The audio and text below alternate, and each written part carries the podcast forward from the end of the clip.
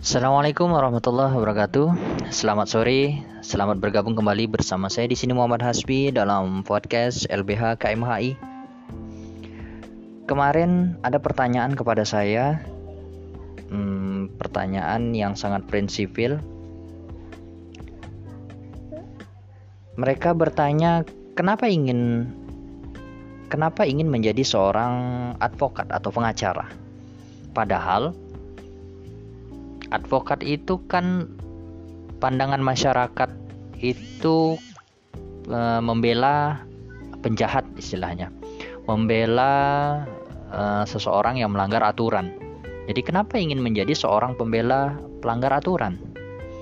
Jadi saya jawab dan juga bisa e, di sini saling berbagi.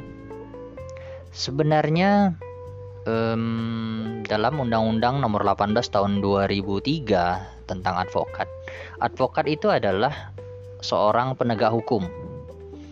Sama seperti polisi, seperti jaksa, seperti hakim. Bedanya advokat itu uh, di luar dari kepemerintahan atau tidak digaji oleh pemerintah, tapi sama-sama penegak hukum. Dan layaknya penegak hukum, seorang advokat atau seorang pengacara itu bukan membela seseorang yang salah, itu keliru. Bukan membela seseorang yang salah, melainkan membela hak-hak setiap orang. Walau orang tersebut diduga bersalah. Yang dibela oleh seorang advokat atau pengacara itu adalah hak-haknya. Karena walaupun dia itu bersalah, tapi dia memiliki hak selaku manusia.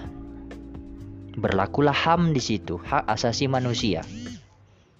Seperti halnya layaknya disampaikan uh, yang kita tahu di konstitusi, Undang-Undang Undang-Undang Dasar 1945 pasal 27 ayat 1 yang menyatakan bahwa setiap orang punya hak dan kedudukan yang sama di mata hukum jadi walaupun dia itu presiden, menteri, pejabat, buruh tani, nelayan, setiap orang sama kedudukannya di hadapan hukum, tidak ada tebang pilih dalam hal hukum. Idealnya seperti itu. Sama kalau di dalam hukum itu ada namanya uh, equality before the law, asas equality before the law. Setiap orang punya kedudukan yang sama di mata hukum. Dan hak dan kedudukan yang sama itulah yang dibela oleh seorang advokat, oleh seorang pengacara. Sama halnya seperti uh, seorang pencuri yang sudah terlihat terbukti mencuri, namun pada saat ditangkap sebelum dinyatakan dia bersalah di meja pengadilan, dia dipukulin, dia dianiaya oleh pihak-pihak oknum-oknum tertentu yang mengatasnamakan uh, aparat penegak hukum. Nah, jadi letak kesalahan yang dibela itu adalah adalah uh, hal-hal yang hal-hal yang merugikan hak-haknya, bukan membela kesalahannya. Jadi prinsip penegakan hukum seorang pengacara atau advokat itu seperti yang tertera pada pasal 27 ayat 1 Undang-Undang Dasar 1945 atau konstitusi kita. Setiap orang punya kedudukan yang sama di mata hukum dan itu yang itulah yang dicoba ditegakkan oleh seorang advokat atau pengacara.